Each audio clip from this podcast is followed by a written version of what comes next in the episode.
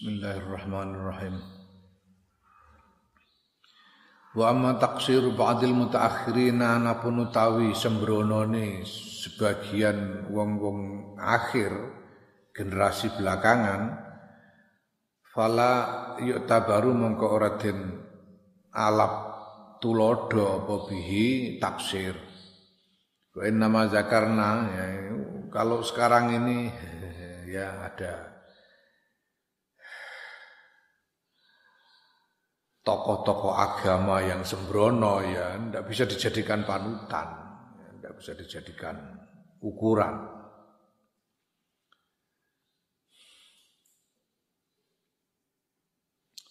Wa nama zakar lanin pestine nutur sapa ingsun hadzal fasla ing kelah pasal la Allah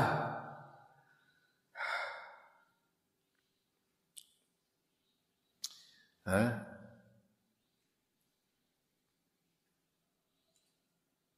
Li Allah yubiza supaya ento ora uh, apa? Hmm? yo maidu ora mencela karena salah paham. Fihi min dalam ulama sapa mukhalifun wong kang menentang jahlan krono krono uh, orang ngerti minhu sangking fasal. Ya jalan krono arai orang ngerti minhu sangking mukhalif ngono. Minhu sangking mukhalif bima qasidil qaumi kelawan pira-pira tujuane kaum fi umurihim ing dalam pira-pira urusane kaum. Ya. Au ya luta utawa keliru sapa mukhalif ing dalam uh, utawa keliru fihim ing dalem kaum sapa mubtadiun pemula salimus sadri kang selamat atine tapi lam yakhuz orang ngalap sapa mubtadi nal imsa ilmu hakau ing hake ngilmu. Jadi Imam Syafi'i membahas pasal ini, ini supaya orang-orang yang menentang para ulama kita ini tidak lalu mencela mereka karena nggak ngerti dan termasuk juga para pemula seperti kita kita ini supaya tidak salah paham tentang mereka. Lalu kita adem kromo aja kalau gitu nah, boleh kita. Apa namanya? Bermewah-mewah boleh kita mengejar jabatan misalnya. Kita harus tahu bahwa itu tidak semata-mata ada tujuannya. Kiai As'ad Samsul Arifin situ Bondo. Itu dalamnya kodi maklum nago. Mewah sekali rumahnya itu. Kiai As'ad itu. Mewah sekali. Tapi beliau itu sehari-hari, hari seharian itu beliau ada satu lincak di ruang tengah gitu. Apa namanya seperti eh, ya lincak tempat berbaring gitu yang sederhana sekali di ruang tengah ya. Belum menghabiskan waktunya di atas lincak itu. Nah orang kan berpikir wah berarti kita boleh kita bermewah-mewah, kiai saja bermewah-mewah juga. Padahal kiai-kiai itu membangun seperti itu bukan untuk bersenang-senang. Apa kata Kiai Asad tentang rumah beliau? Ya, saya bikin rumah begini ini supaya tamu-tamunya kerasan dari? Saya bikin rumah begini untuk hormat tamu saja supaya tamu-tamunya kerasan. Gawe omah gede wapi itu ben untuk menghormati tamu niate untuk menghormati tamu lah. Ki asa dhewe ora menikmati wis lo malamen ngene lincak sedina-dina ngono ngono. Ya ora butuh pamer-pamer apa. Hal-hal macam ini. Jadi kita harus mengerti uh, tujuannya. Mergo torikoi kiai-kiai, torikahnya, torikohnya kiai-kiai itu ya bisa berbeda-beda tapi tujuannya sama yaitu apa? Membersihkan diri tazkiyatun nafs li ibadatillah. Nah Fa in kila mongko lamun ditakokake kaifa yaliku kepriye patut apa haza iki bihalin bihali ahli ilmi kelawan tingkai ahli ilmu wa tajarrudi ahli tajarrud wa zuhdi ahli zuhud wa arba lan ahli sabar wa riyadati lan tirakat. Lu napa Pak mengejar dunia mengejar kedudukan seperti ini itu patut dilakukan oleh ahli ilmu, ahli tajarrud, ahli zuhud, ahli sabar dan ahli tirakat. Fa'lam mongko ngerti sira anna hadza syai' astune ikilah suci-suci ku makhuzun den alap binas sunnati saking sunnahe Kanjeng Nabi Muhammad sallallahu alaihi wasallam. Sumbal maksudu nuli utawi kang den sejo iku husul qanaati hasil qanaah wal uddati lan sangu lattiba isyarri ora nek ngetut nuruti kejelekan. Aku eling iku fi nuskah iku ora itu. Asyarohi syarohun itu geragas bukan syarri tapi syarohi pakai ono hae. Ya? Gunmu ono hae? Ono kan? Syarohi. Littibai syarohi krono arah nuruti gragas ya rakus wa syahwatilan syahwat wa filan apes anihtimal usrati saking nanggung kesulitan wa syiddati lan eh, kesusahan. Ya kalian harus tahu bahwa ini ini adalah sunnah Kanjeng Rasul Muhammad sallallahu alaihi wasallam. Ya. Yang tujuannya adalah untuk mendapatkan kona'ah, untuk mencapai kona'ah dan mendapatkan bekal ibadah bukan menuruti rakus atau syahwat. Bukan karena lemah di dalam menanggungkan kesulitan dan kesusahan ndak wa mataro lan ake-ake barang taro kang ningali sira fi aqibidal ka ing dalem burine mengkono-mengkono mazkur ya oleh wiridan sing kaya-kaya kanggo memperoleh dunia Ya, sing paling akeh yang dihasilkan dari itu iku qanaatul qalbi. Trimone ati, qanaate ati. Qanaah iku trimo. Wa faqdu kalbil ju'i lan ilange asune ngelih. Ya. La rasa rasa lapar itu diibaratkan seperti anjing. Karena apa ya anjing itu ya, seperti disebut di Quran itu. Anjing itu seperti yang disebut Quran itu. Piye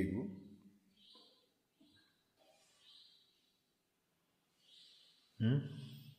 Kalau diberi, dia, diberi atau tidak diberi, dia tetap melet-melet terus karena pengen dapat lapar itu juga gitu. Berharap dari sana sini. Ya. itu lapar itu. Kadang-kadang dia tahu tidak mungkin dapat aja masih dikejar karena lapar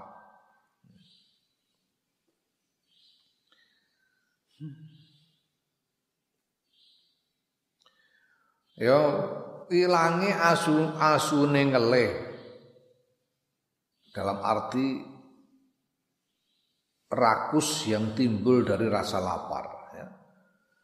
Wa dhu'fihi lan apese ngelih, lemahnya badan karena lapar.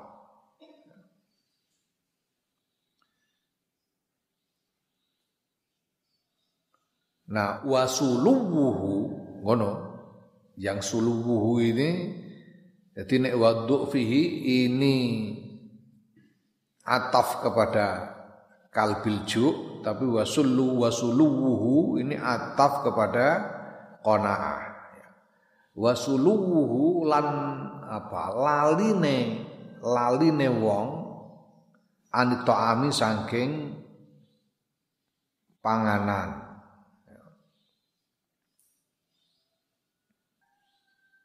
wa nuhmatihi lan ngarepake panganan. Waqat alimalan teman-teman wis ngerteni dalika mungkon-mungkon mazkur sapa man wong imtana imtahan imtahanahu kang nampa ujian sapa man hu ing apa? Hu ing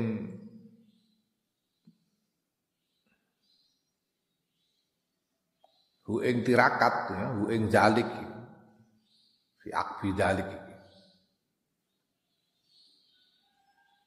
ya. Jadi sebagian besar dari apa yang bisa kita lihat di sesudah tirakat. Sesudah apa? Eh, melakukan amalan-amalan yang menjadi sunnah Rasulullah SAW itu yang dikatakan manfaat eh, apa namanya bisa mendatangkan manfaat dunia itu. Nah para ulama itu melakukannya, kalau melakukannya itu kebanyakan yang kita lihat sebagai hasilnya adalah bahwa kemudian para ulama itu mendapatkan kona'ah. Tidak lagi apa namanya dikuasai oleh rasa laparnya. Bahkan melupakan tidak lagi membutuhkan makanan, ya, tidak membutuhkan makanan. Dan mereka itu tahu tentang itu, mereka sudah tahu.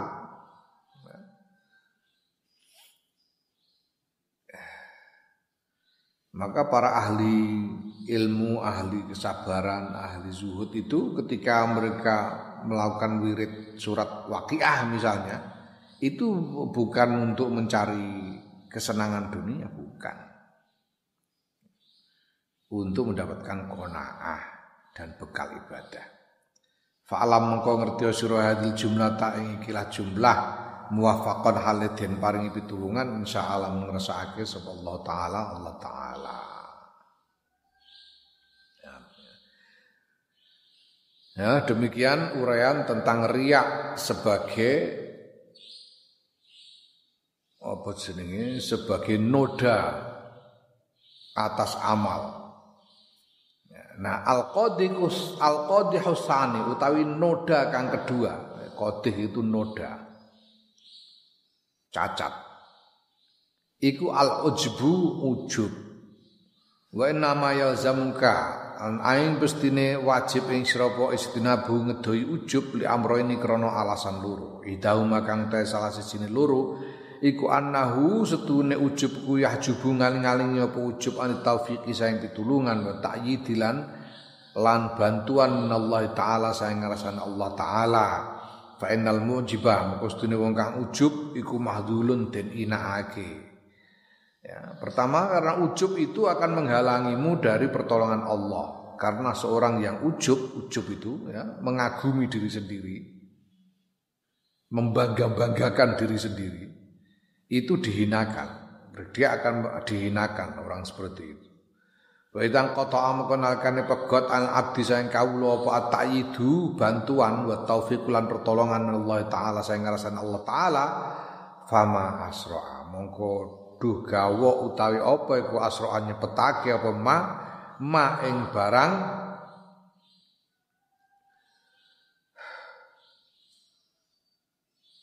eh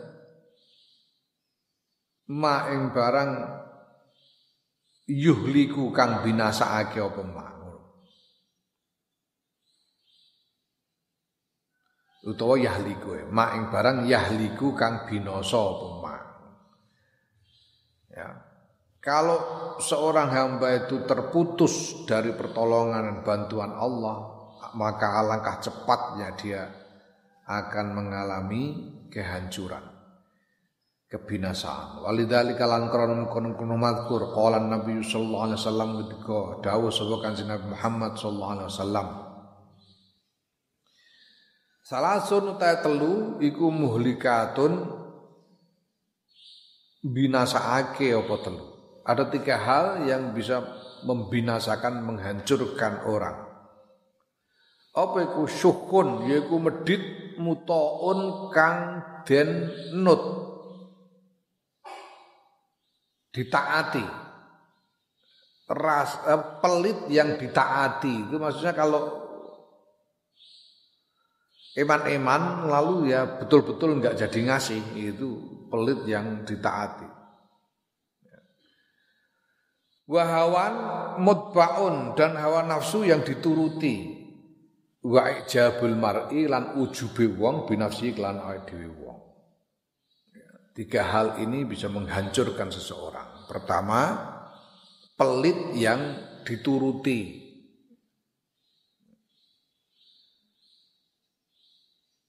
Ya, ini ini penting diperhatikan ini. Kalau kamu misalnya ada orang minta dan kamu punya, kamu bisa memberi. Kamu punya dan bisa memberi.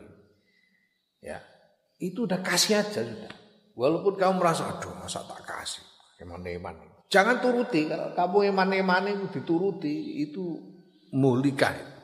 Sukun mutok, pelit yang dituruti. Itu mengundang bencana. Ya, itu sudah pokoknya kalau hatimu merasa kamu sebetulnya ada mampu kok merasa sayang eman-eman itu pelit, jangan turuti, udah kasih aja sudah.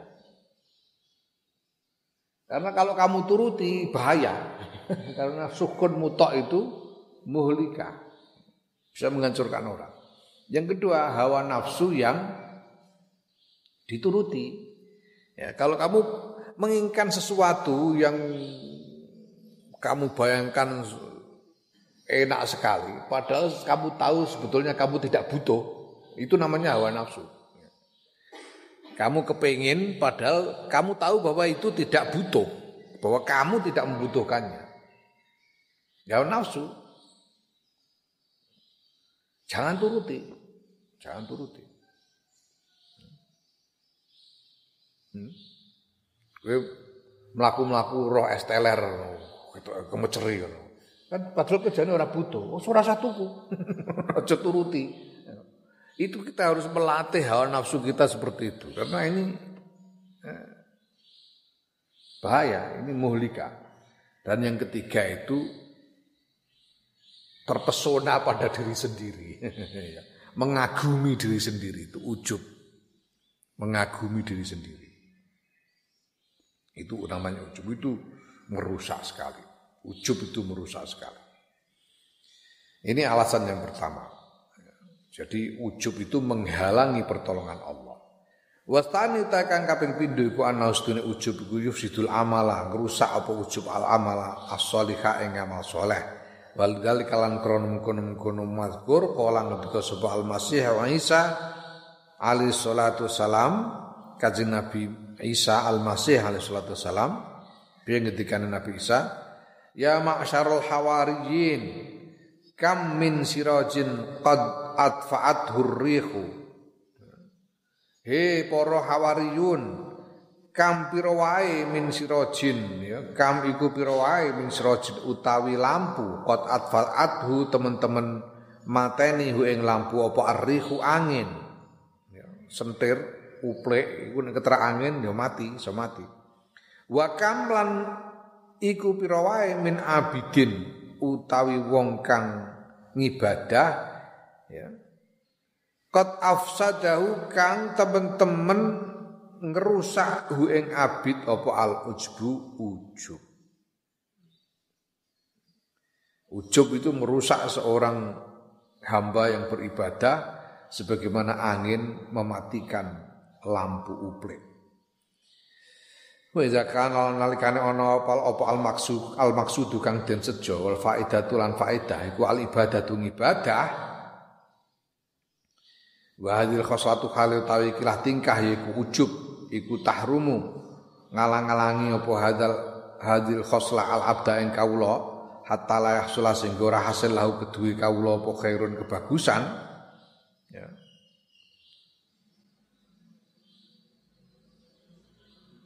Ya. Nah fa'in khasola mongko lamun kalaupun mongko lamun hasil lahu kedue kawula apa khairun kebagusan faqalilun mongko kusithik min dalika saya mengkono wong faqalilun mongko utawi sithik mongko iku utawi sithik. Min dalika saya mengkono-mengkono ujub iku yufsidu ngrusak.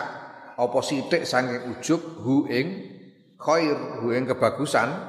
Hatta layat sehingga ora ora keri biadihi kelawan tangane kawula apa sayon juji-wiji ya nek ngono kahanane Ya, ketika ketika tujuan seorang hamba itu adalah ibadah. Yang dituju adalah ibadah. Seorang hamba ini tujuannya ibadah. Nah, sementara itu ujub ini ya, bisa menghalangi seorang hamba dari tujuannya itu. Karena kalau ujub dia tidak akan mendapatkan kebaikan apa-apa. Kalaupun dia mendapatkan kebaikan, maka sedikit saja dari ujub itu bisa merusak kebaikan yang dia yang dia dapatkan. Sehingga tidak ada apa pun yang tersisa di tangannya. Artinya ya, kalau tujuannya ibadah, sedangkan ujub itu sangat berbahaya karena merusak ibadah, ya, fahakikun, fahakikun mongko patut. Opo ayah daro yen to wedi sapa kawula mindalika saya mengkono-mengkono ujub di menjauhi, menghindari. Wa tahaffaza lan jogo-jogo sapa kawula. Maka sepatutnya seseorang itu harus menjaga dirinya menjauhi ujub. Wallahu taala ta Allah taala wal taufiqi zat kang nguasani pitulungan wala ismati lan pangreksa. Fa in kila mengko lamun den takokake Fama hakikatul ujbi mongko ta iku apa hakikatul ujbi utawi hakikate ujub. Wa malan iku apa maknahu utawi maknane ujub. Wa malan iku apa taksiruhu utawi dampake nglabetine ujub tegese dampake ujub. Wa malan iku apa hukmu ta hukume ujub. Fabayin mongko mbok inggih jelasake panjenengan lana maring kita zalika ing kono-kono mazkur. Kalau kamu bertanya apa sih hakikatnya ujub, apa maknanya, apa dampaknya, dan apa hukumnya, fa'lam mongko ngerti sira. Anna hakikatal ujbi, sedune hakikate ujub. Iku istiqzamul amali, nganggep gede ngamal as-solihi kang soleh. Ya, ujub itu apa? Hakikatnya ujub itu. Hakikatnya ujub itu adalah menganggap besar suatu amal soleh menganggap besar suatu amal soleh. Es, iku sik apa? Ada amal kamu orang sholat dua rakaat, wah hebat aku ini sudah bisa sholat dua rakaat. Orang-orang tidur semua ngelinter, ngiler ya. Aku malah sholat dua rakaat, aku ini. Istiqdamu, uh, eh, istiqdamul amal soleh. Itu ujub. Nah, wa tafsilu wa tafsiluhu utawi rinciane ujub inda ulama ina rahimahumullah munggu ulama kita rahimahumullah iku zikrul abdi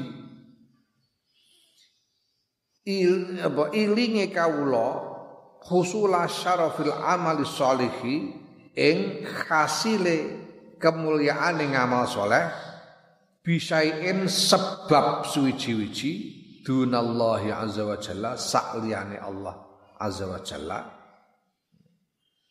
Awin nasi utawa sebab menungso nganggep bahwa itu disebabkan oleh manusia selain Allah awin nafsi utawa sebab awak dhewe. Nah, kalau definisinya yang rinci menurut ulama kita ujub itu artinya apa? Ujub itu adalah mengira menganggap menganggap bahwa suatu amal soleh kemuliaan suatu kemuliaan amal soleh itu diperoleh dari selain Allah. Diperoleh karena sebab selain Allah. Apakah itu sebab sesama manusia atau sebab yang lain, sebab uang misalnya, sebab kekayaan atau sebab dirinya sendiri atau sebab dirinya sendiri. Tidak dia tidak punya anggapan bahwa keberhasilannya memperoleh kemuliaan amal soleh itu semata-mata semata-mata berkat pertolongan Allah. Kalau dia seperti itu berarti ujub. Kalau menganggap bahwa keberhasilannya memperoleh kemuliaan amal soleh itu bukan semata-mata dari pertolongan Allah berarti ujub.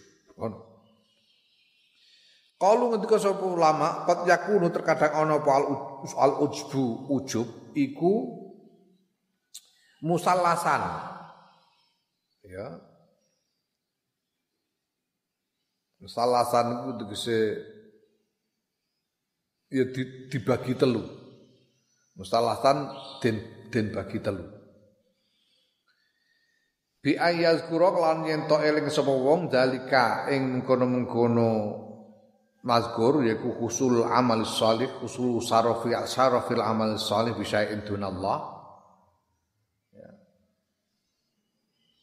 min hadi salasati saking ikhlas telu jami'an sekabehane yaiku an nafsu wal kholku wa syai'u an nafsu dirinya sendiri wal kholku sesama manusia wa syai'u lan suwiji-wiji harta benda misalnya ujub itu terkadang apa namanya uh, memiliki muatan tiga hal ini menganggap bahwa keberhasilan memperoleh kemuliaan amal soleh itu dari dari dirinya sendiri dari berkat sesama manusia atau berkat harta benda. Tiga hal ketiga-tiganya ada di situ. Ya. Wa musannan lan apa dibagi orang berarti ya apa mustalasan itu artinya orang kok dibagi telu tapi apa jenenge piye apa eh,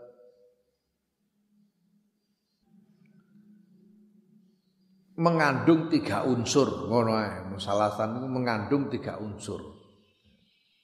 Wa musannan lan mengandung dua unsur. Bi ayyazkar bi ayyazkaruhu kelawan ya terkadang dua unsur saja. Bi ayyazkaruhu kelawan yen to eling sapa wong hu ing zalik minasna ini saking loro. Apa karena dirinya sendiri atau karena harta benda? Dirinya sendiri dan harta benda dirinya sendiri dan sama manusia sama manusia dan harta benda. Pokoknya dua. Wa muwahidan kadang si tok satu unsur saja bi ayat kurahu kelan yen to eling sapa wong hu ing husulu syarafil amali shalih dalik min wahidin saking siji. Karena dirinya sendiri saja atau karena sama saja atau karena harta benda saja. Itu ujub. Pokoknya kalau orang menganggap bahwa keberhasilannya memperoleh kemuliaan amal soleh itu disebabkan oleh selain Allah, itu ujub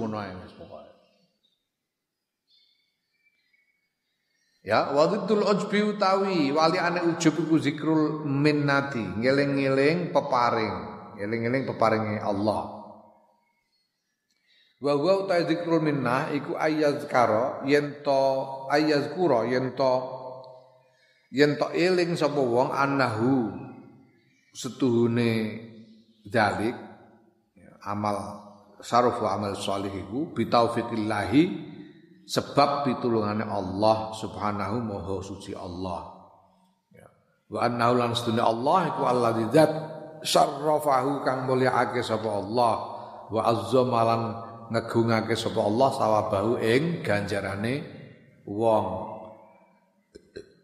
wa qaddarahu lan gawe wa qaddarahu lan gawe kongang sapa Allah menjadikan mampu sapa Allah ing eh, kawula. Hmm, kebalikan dari ujub adalah mengingat anugerah Allah. Anugerah apa itu? Yaitu ingat bahwa keberhasilan yang peroleh kemuliaan nama soleh itu semata-mata sebab pertolongan Allah dan bahwa Allah lah yang memuliakannya. Allah lah yang menjadikan pahalanya besar. Allah lah yang membuatnya mampu melakukan amal soleh itu. Ya. Iki biar aku diuling ini juga sama Mbah Misbah. Ya. Kowe iku antarane syariat karo hakikat kudu maju bareng. Syariat karo hakikat kudu maju bareng. Syariate kowe diwajibake nglakoni salat niku syariat. Mulane kowe wajib nglakoni tumandang nglakoni salat. Tapi nalika nglakoni salat itu kowe kudu eling Allahu Akbar iku kudu eling bahwa olehmu iso nglakoni iki krana sebab pitulungane Gusti Allah. Syariat dan hakikat. Syariatnya adalah bahwa kita dibebani taklif kewajiban sholat lima waktu. Hakikatnya yang menjadikan kita mampu melaksanakan kewajiban itu adalah pertolongan Allah. Kalau bukan karena pertolongan Allah, tidak akan kita mampu melakukannya.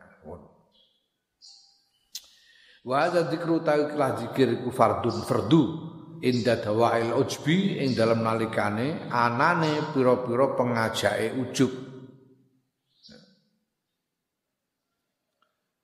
Ya naflun lan sunnah ya tur sunnah fi sa'iril awqati ing dalam sekabehane pira-pira waktu setiap saat ini disunnahkan kita disunnahkan untuk untuk apa namanya untuk e, mengingat anugerah pertolongan Allah setiap saat disunahkan Nah, pada saat dalam keadaan bahwa di situ ada banyak godaan untuk ujub, ya kita wajib mengingat. Kita wajib mengingat eh, anugerah Allah. Umpamanya ya. Ketika orang pidato, ceramah, pengajian. Jadi mubalek ceramah pengajian. Itu di situ ada dawail ujbi. Oh, mereka wah ngopo-ngopo dikeploki wong akeh. Banyol wong guyu wah wah. Boleh hebat aku. ya. Boleh ampuh aku. Itu ada godaan untuk ujub. Nah pada saat itulah harus ingat pada pertolongan Allah. Makanya orang NU itu dulu ini yang membuat Masya Allah yang luar biasa ini yang membuat ododo ya, yang membuat inisiatif itu Kiai Ahmad Abdul Hamid Kendal. Kiai Ahmad Abdul Hamid itu kakaknya Kiai Wildan Abdul Hamid Kendal.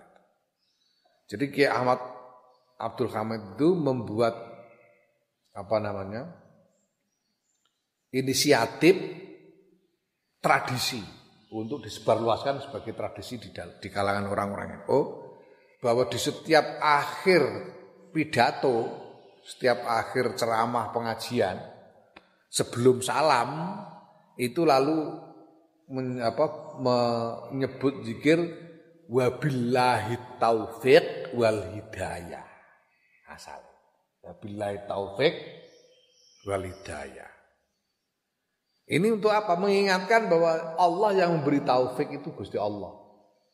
Ya. Bahwa Allah yang memberikan pertolongan sehingga aku mampu berpidato, berceramah secara gegap gempita begini ini karena pertolongan Allah. Dan kalau orang-orang yang mendengarkanku ini mendapatkan hidayah, hidayah itu dari Allah, bukan karena aku. Wabillahi taufik Wal hidayah itu maknanya begitu. Wah ini alhamdulillah lalu menjadi tradisi yang dipakai secara luas oleh kalangan Nahdlatul Ulama. Billahi taufik wal hidayah. Sehingga menjadi populer sekali. Nah bareng kemudian zaman Orde Baru itu Golkar kepengen mendekati NU, Lalu orang-orang Golkar itu kan mereka bikin macam-macam. Pak Harto itu bikin MUI, itu kan untuk nyanyi NU. Itu gawe gupi, gupi biyen milenial orang ngerti blas. Aku lali istikatane apa gupi. Gupi itu pokoknya mereka bikin madrasah dan ada kumpulan guru-guru madrasah sendiri. Itu orang Golkar. Jadi idenya adalah untuk mengambil alih pengaruh NU ini dari masyarakat waktu itu Golkar. Nah, supaya bisa melakukan penetrasi ke dalam kalangan NU, bisa diterima oleh kalangan NU, maka orang-orang Golkar itu juga membiasakan zikir yang populer ini. Orang Golkar itu lalu setiap habis pidato ya tiru-tiru muni wabillahi taufik wal hidayah. Wassalamualaikum warahmatullahi wabarakatuh. Sehingga di mana-mana orang Golkar itu kalau pidato ya pakai wabillahi taufik wal hidayah itu. Nah karena di Golkar itu juga banyak orang Muhammadiyahnya, akhirnya orang Muhammadiyah ya banyak yang pidato pakai bilai taufik wal hidayah. Oh, takoi orang aku ya. Mergo isin ngono ae. Jane asine ngono. Akhirnya Muhammadiyah ya melu bilai taufik wal hidayah. Terus kayak Ahmad Abdul Hamid itu lah berkeluh. Lah kok terus dipakai semua orang gini? Ini kan ciri khasnya kan selalu nggak jadi ciri khas NU lagi.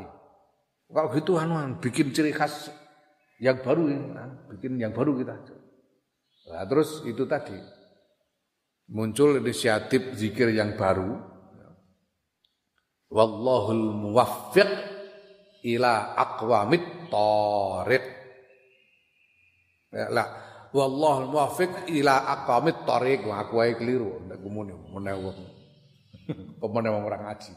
Wallahul muwaffiq ila aqwamit thariq wallahul muwaffiq ila aqwamit thariq iki nek wong ora ngaji kangelan muni wong iku mat apa jenenge mat karo apa dawa cendeke nek ora setiti keliru maknane wallahul muwaffiq mat tasdid itu harus tepat. Kalau ndak maknanya keliru. Wallahu muwaffiq ila aqwamit thariq wallahu ta'ala Gusti Allah iku al muwaffiq zat kang paling piturungan ila aqwamit thariqi maring paling jejeke dalan. Ya.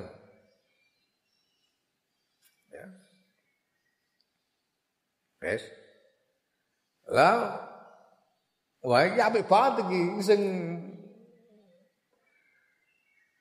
sengaja dibikin sulit begini oleh Ki Ahmad Abdul Hamid itu karena tahu bahwa yang biasanya yang ngaji itu orang NU, liane kan mualaf-mualaf kabeh. sing ngaji kan mau NU tok. Jadi liane keliru-keliru, liane iku arep tiru-tiru, iku kelira-keliru. Ila keliru orang semua wallahul muwafiq ila aqwamit thariq. Harus sayang mantep e. Keliru. Wallahu muwafiq ila aqwamit thoriq. Iku marane wallahu ta'ala Gusti Allah iku al muwafiq kang nyetujoni ngono. Ila aqwamit thoriq maring pira-pira kumpulane wong kang mlaku. Ngono. Sekeliru. Iki. Nah, belakangan setelah NU kembali ke kita, wah terus wong alap-alap do melok mlebu NU kabeh. Akhirnya terus wong NU balik meneh muni billahi taufik wal hidayah. Mergo arep muni wallahul muwaffiq iku kaangile ra karuan. Kangelan balik nih billahi taufik wal hidayah. Kenapa? Karena ini ada dawail ujb pidato di depan orang banyak ini ada godaan untuk ujub. Aku dijazai Kiai Mubashir Paraan Ngadirejo. Ngadirejo Temanggung ya. Ngadirejo. Kiai Mubashir Ngadirejo. Kemudian santri ini Mbah Bisri dijazai saben bar pidato saben bar pidato begitu rampung bar salam iku supaya ndang gage zikir Masya Allah tabarakallah Masya Allah tabarakallah Masya Allah tabarakallah Saake-ake Paling ora ping rolas Saake-ake Minimal ping rolas Masya Allah tabarakallah. Ini supaya tidak terkena penyakit ain. Penyakit ain itu penyakit, penyakit yang timbul karena tidak tahan menerima pandangan kagum dari orang banyak. Itu penyakit ain. Penyakit yang timbul karena tidak tahan melihat pandangan kagum, mata yang kagum dari orang lain. Itu penyakit ain. Nah gejalanya bisa macam-macam, bisa fisik, bisa psikologis. Bisa fisik, ada orang kena penyakit air itu keluarnya itu sakit panas, panas, demam. Itu ain. Karena tidak tahan pada menerima pandangan kagum dari orang. Fisik, bisa fisik. Tidak tahu sakitnya bisa macam-macam fisik. Bisa juga apa namanya psikis kejiwaan oh, terus dadi mlete. Oh, kementos barang uh, kemaki. Loro ain. Ya. Penyakit ain Naam. Nah, di setiap waktu walaupun tidak sedang melakukan satu amal di depan orang banyak, kita disunahkan untuk senantiasa mengingat uh, zikir, melakukan zikir mengingat pertolongan Allah ini. Naam wa amma ta'sirul ujbiana pun utawi dampai ujub fil amal ing dalam ngamal iku kala ngendika sapa ba'du ulama ina sebagian ulama kita al mujibu ta wong kang ujub iku yang taziru ngenteni sapa ujub al ihbata ing ihbat. Ihbat itu penghancuran. Ihbat Fa in taba mengkalamun tobat sapa mukjib qabla mautihi ing dalam sadurunge matine mukjib ya salima mengko selamat sapa mukjib. Wa ilalan lamun ora ora tobat sapa mukjib ya uh bita. Gocek sapa mukjib ya. Dihancurkan sapa mukjib. Ya, wa ilahi lan maring ngene iki maling eh, keterangan iki Zahaba berpendapat sapa Muhammad bin Sabir Muhammad bin Sabir min syukhil karomiyati setengah sangking tokoe golongan karomiyah. Wal ihbatu ta penghancuran indahu mungguwe Muhammad bin Sabir iku ayyadhaba yen to ilang anil amali saking ngamal Apa jami'ul asma'il hasanati sekabiane piro-piro arane kebagusan? Hatta la yastahiqqa sehingga orang ngekaki sapa wong bidzalika kelan kono-kono ngamal sawaban ing ganjaran. Wala midhatan lan ora nek pujian albattata babar pisan Seorang yang ujub itu dia menantikan penghancuran. Kalau artinya menantikan menantikan penghancuran itu ya tidak langsung dihancurkan amalnya. Tapi dilihat dulu apakah dia bertobat sebelum apa? Bertobat sebelum mati atau tidak. Kalau sebelum mati dia bertobat dari ujub ujubnya, ya amal-amalnya ini selamat. Amal-amalnya selamat kalau dia bertobat sebelum mati. Tapi kalau tidak bertobat sampai mati tidak sempat bertobat, ya hancur seluruh amalnya ini hancur. Enggak ada pahalanya semua. Enggak ada pahalanya sama sekali semua. Kalau orang yang ujub ini tidak bertobat sebelum mati. Oh, ini pendapat dari Muhammad bin Sobir, salah seorang tokoh Karomiyah. Nah, Ya. Wa dimau. Wa fi qali ghairi lan ing dalem pendapate sakliyane Muhammad bin Sabir huwa utawi ujub iku zihabul. Apa? Idafi ya kena di, di ora ilange tiklan. La ghairu ora nek liyane. Yang hilang karena ujub itu adalah lipatan pahala, kelipatan pahala, kelipatan pahala dari amal. Itu yang. Kalau pahalanya amal itu sendiri satu pahala dia masih dapat. Tapi kelipatannya hilang. Itu menurut pendapat yang lain. Ya. Fa'in kulta mengkolamun ngucap siro. Kaifayal tabisu. Kepriye jumbo al abdil arifi ngatasi kawula kang kenal barang Allah alim arifat jumbo apa ma barang? Apa annallaha? Ya jumbo apa annallah taala? Sedune Allah taala. Huwa ya Allah iku allazi zat waffaqa kang mitulungi sapa Allah lil amali sholih maring amal soleh. Wa azzama lan ngagungake sapa Allah qadrahu ing um, derajate kawula. Wa aksara lan gawe akeh sapa Allah sawabahu ing ganjarane kawula. Bifadlihi kelawan kemurahatiane Allah kelan lumane Allah haban hilan eh, kanugrahane Allah. Apakah mungkin ada seorang yang mengenal Allah dan kemudian dia merasa atau kemudian tidak jelas baginya. Apakah mungkin, bagaimana mungkin terjadi ada orang yang mengenal Allah, kemudian tidak jelas baginya bahwa Allah lah yang memberikan pertolongan, bahwa Allah lah yang memperbesar pahalanya, yang meninggikan derajatnya dan seterusnya. Apakah bagaimana mungkin itu terjadi? Pada orang yang mengenal Allah.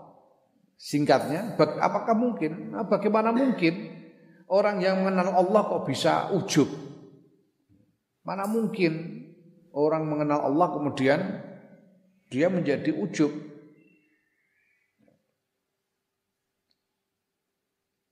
Ya. Fa'lam mau ngerti sira huna ing dalam kono anna hahuna sedune ing dalam kono nuktatan nuktah faedah latifatan kang lembut wa lan simpenan sarifatan kang mulya. Tahu ya di dalam hal ini ada satu poin yang sangat lembut yang merupakan tabungan yang mulia. Wa utawi nuktah iku anan nasa sedune menungso fil ujbi dalam ujub iku salah satu asnafin ana telu pira-pira golongan Ada tiga macam manusia ujub itu. Sinfun ta sak golongan hum ya sak golongan iku al mujibuna wong kang ujub bikulli halin kelawan sekabehane tingkah. Orang yang ujub apa? Orang yang senantiasa ujub, yang ujub dalam semua hal. Ada satu kelompok orang yang ujub dalam semua hal. Wahwa utawi wong sing ngono iku iku al mu'tazilatu wong mu'tazilah wal qadariyatu lan lan wong qadariyah alladzina la yarona ya iku wong-wong la yarona kang ora ningali sapa alladzina lillahi tetep kedue Allah alaihim ing atase alladzina minnatan ing peparing fi af'alihim ing dalam pira-pira lakune alladzina wa yungkiruna lan padha ngingkari sapa alladzina al auna ing pitulungan wa taufiq lan ya pitulungan al khassa kang khusus ya. wa lutfa lan kanugrahan Wazalika utawa mengkono-mengkono ingkare Mu'tazilah lan Qadariyah iku li syubhatin krana sawijining syubhat istaulat kang menguasai apa syubhat apa syubhat eh, sub syubhat alaihim ing atase alladzina orang yang senantiasa ujub memang ujub dari sononya dan senantiasa ujub. Mereka itu adalah orang-orang Mu'tazilah dan Qadariyah kenapa karena orang Mu'tazilah Qadariyah ini mengingkari berjalannya takdir dari waktu ke waktu. Ini Mu'tazilah dan Qadariyah. Ya. Jadi mereka berpendapat bahwa Allah ini menciptakan alam semesta ini seperti menciptakan seperti itu membuat jam, membuat jam. Jam wis dadi pasang baterai wis culno ngene mlaku dhewe. Itu pandangan Mu'tazilah dan Qadariyah bahwa Allah tidak melakukan intervensi dari waktu ke waktu. Sehingga kalau buat mereka kalau ada orang beribadah ya itu karena kemauan dan karena kemampuan pelakunya, bukan tidak ada faktor pertolongan Allah di situ. Itu menurut pandangan Qadariyah dan e, Mu'tazilah. Ya. Nah, kebalikan dari Qadariyah ini yang disebut Jabariyah bahwa manusia ini tidak tidak mampu mengupayakan amalnya sendiri. Karena itu juga nanti tidak dihisap. Oh, dia tidak mengupayakan amalnya sendiri. Soal surga neraka ya terserah Allah saja. Itu ya apa jabariyah yang kemudian juga disebut sebagai murjiah murjiah jabariyah ini yang ada di, di dalam sejarah ya, khazanah sejarah perkembangan pemikiran-pemikiran di dunia Islam. Mereka orang seperti ini berarti ya ujub sepanjang waktu. Wong dia memang menganggap bahwa Allah sama sekali tidak melakukan intervensi. Nah, wasin pun lan sak golongan hum kang utawi golongan iku azzakiruna wong-wong kang eling lillahi kedue Allah al minnata ing peparing bikulli halin kelawan sekabehane tingkah. Wa hum utawi adzakirun iku al mustaqimuna wong kang istiqomah layu jibuna kang kang ora ya. ujub sapa al mustaqimun bisaen kelawan sisuwiji minal amali saing pira-pira amal. Wadali kau ta mengkono-mengkono ora ujub iku libasiratin krana kewaspadaan. Ukrimu ukrimu kang den mulyaake sapa mustaqimun biha kelawan basirah. Dimulyakake dening Gusti Allah diparingi tegese. Diparingi sehingga mereka menjadi mulia karena dianugerahi basirah itu. Ya wa ta'yidin lan krana krana pitulungan khusu kang den khususake bina majul khusu kang den khususake sapa mustaqimun bihi kelawan takyid. Nah kelompok yang kedua, kalau yang pertama tadi kan yang memang dari sononya ujub. senantiasa sepanjang waktu dalam keadaan apa pun ujub terus. Itu yang kelompok pertama. Kelompok kedua ini kelompok yang sama sekali tidak ujub. Ya. Sepanjang waktu dalam keadaan apa pun tidak ujub. Mereka ini adalah orang-orang yang istiqomah yang tidak ujub sama sekali dalam amal apa pun. Dan itu ter, bisa dimungkinkan karena mereka dikaruniai basirah oleh Allah, dikaruniai kewaspadaan, ketajaman hati oleh ketajaman batin oleh Allah. Dan dikaruniai pertolongan oleh Allah. Wasali sudah kakapi telu ya iku hum utawi asalis iku al muh al mukhallituna wong kang nyampur-nyampur kadang ujuk kadang ora campur-campur eh Nah, iki sekaruan golongane dapur ambar niku. Wa hum utawi mukhallitun niku ammatu ahli sunnati umume wong-wong ahli sunnah wal jamaah, wong ahli sunnah wal jamaah. Ya. Itu ya dantek ya, tarotan yang dalam siji mongso yang tabihuna eling sapa ahlu sunnah fayaz kuruna mongko eling sapa ahlu sunnah minatallahi ing peparing Allah wa tarotan yang dalam mongso liyane yaghfuluna lali sapa ahlu sunnah fayu ujibuna mongko ujub sapa ahlu sunnah? Ya. Bidalka kelan mengkono-mengkono ngamal. Lima kan ghaflati krana panggonane lali. Al aridoti kang apa? Kang kepranggul kang merangguli apa? Lali. Wal fatrot wal wal fatroti lan krana eh apa?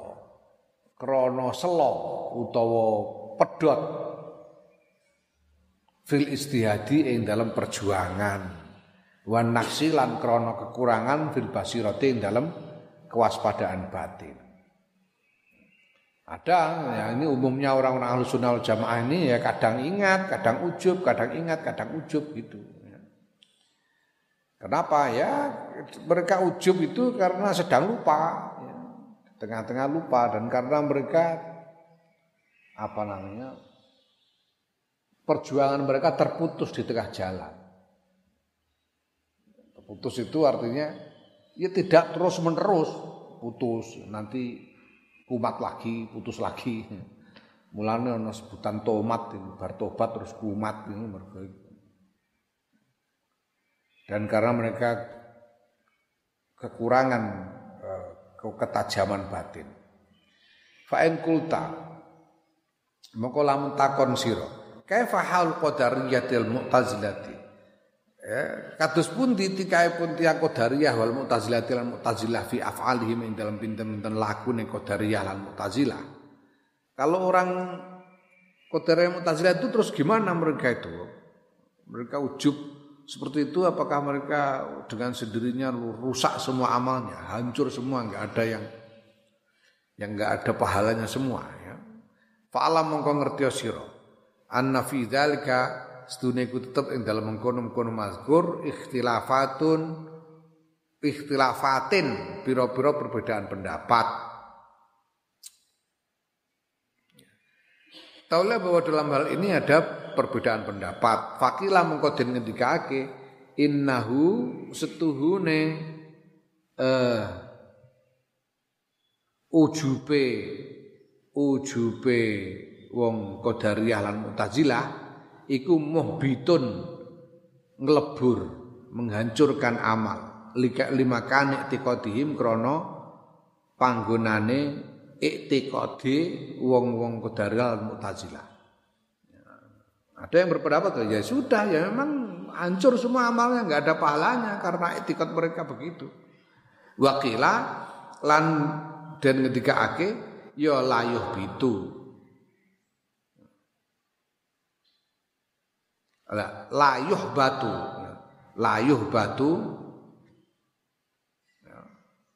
layuh batu ora den lebur apa amalun ngamal bi'tiqadin sebab sawijining i'tiqad fil jumlati ing dalam gemblengan min firaqil islami saking pira-pira firqoe Islam, pira-pira kelompoke Islam. Ya. Ya, yang lain berpendapat kalau ya ndak gitulah, ndak ndak apa namanya? Tidak otomatis karena dia pengikut satu kelompok lalu eh, semua amalnya hancur karena itu. Karena itikot dari kelompok itu. Ndak. Ya, tapi gimana? Hatta yukhassa sehingga dan khususake apa kula amalin saben-saben amal bi ijabin kelawan ujub ya. tapi ya tergantung setiap amal kalau ada satu amal kok disertai ujub ya hancur. Kalau enggak ya enggak. Ngono iku kama anna atiqada ahli sunnati kaya oleh setuhune itikode itikode ahli sunnah iku lam yam layam nahu ora nyegah apa itikad ahli sunnah al ujba ing ujub fi amalin ing dalam saben-saben amal. Hatta yakhussuhu sehingga ngususake sapa wong hu ing amal bidzikril minnati kelawan eling peparinge Allah.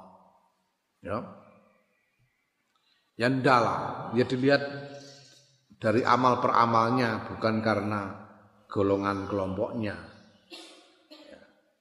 Bukan karena orang menyatakan ikut Qadariyah Mu'tazilah lalu karena itikad ya Qadariyah Mu'tazilah seperti itu lalu ya berarti orang ini amalnya enggak enggak ada yang jadi pahala rusak semua enggak gitu ya tergantung pada saat dia beramal itu keadaannya bagaimana? Apakah dia mengingat pertolongan Allah atau enggak? Kalau dia ingat ya enggak ujub. Kalau enggak ingat ya ujub gitu. Ini sama dengan orang-orang ahlu sunnah walaupun etikotnya ahlu sunnah wal jamaah itu menyatakan bahwa semua yang kita lakukan ini berkat pertolongan Allah. Ya ya wong ahlu sunnah wal jamaah ujub pirang-pirang kok. Ahlu sunnah wal jamaah ya. Jadi sunnah wal jamaah itu tidak otomatis menghalangi orang dari ujub.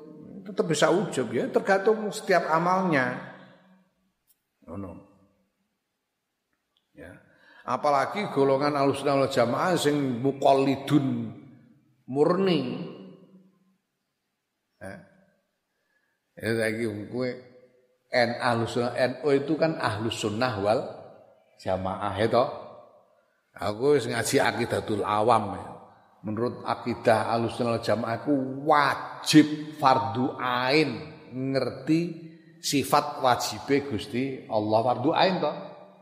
Nek ora apal sifat wajib Gusti Allah ora sah imane. Kan kono ngaji akidatul awam eh ya ora? Eh Eh saya gue pengajian ning alun-alun, sak alun-alun webek. Takoki sampean NU nggih, NU. Saiki takoki sinten sing apal sifat 20 ayo jajal. Wong pira sing apal jajal.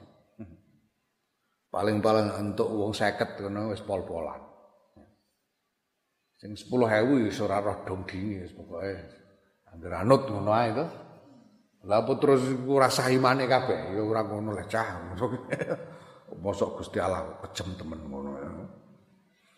Sing penting anut iku mau. Mulane Mbah Bisri biyen niku enak ngono. Sampean kabeh seneng kalih kula nggih. Nggih. Sampean ngaku purun ngakoni dadi santri kula nggih. Nggih. Pun salaman sakniki, salaman nggih niki wakil tangan sampean niki wakile tangan kula pun salaman nggih. Santri sampean nggih. Nggih, wis. Dadi ora usah kuwatir sampean. Beres pokoke engko nek sampean mati ditekani mungkar nakir ora usah wedi ora usah kuwatir ora usah kangelan ngapalno. Hmm. takok yo apa wae jawabane siji. Sampeyan takoki man rabbuka sampeyan jawab rombongan. Ngono. Man nabiyuka rombongan ma imamuka rombongan pokoke ngono pokoke japae rombongan ngono ae Engko nek mungkar nakire takok rombongan rombongane sapa sampean jawab rombongane Kiai Bisri mungkar nakire ben golek aku. Ngono Mbak Bisri. Kendele ngono sih. Soalnya ngerti bahwa ini orang ini orang-orang mukallidun yang memang ya, pokoknya jagesang derek ngono ae. Nah, dan mereka menjadi tanggung jawab dari imam yang diikuti. Ngono. Naam fa in qila Allah alam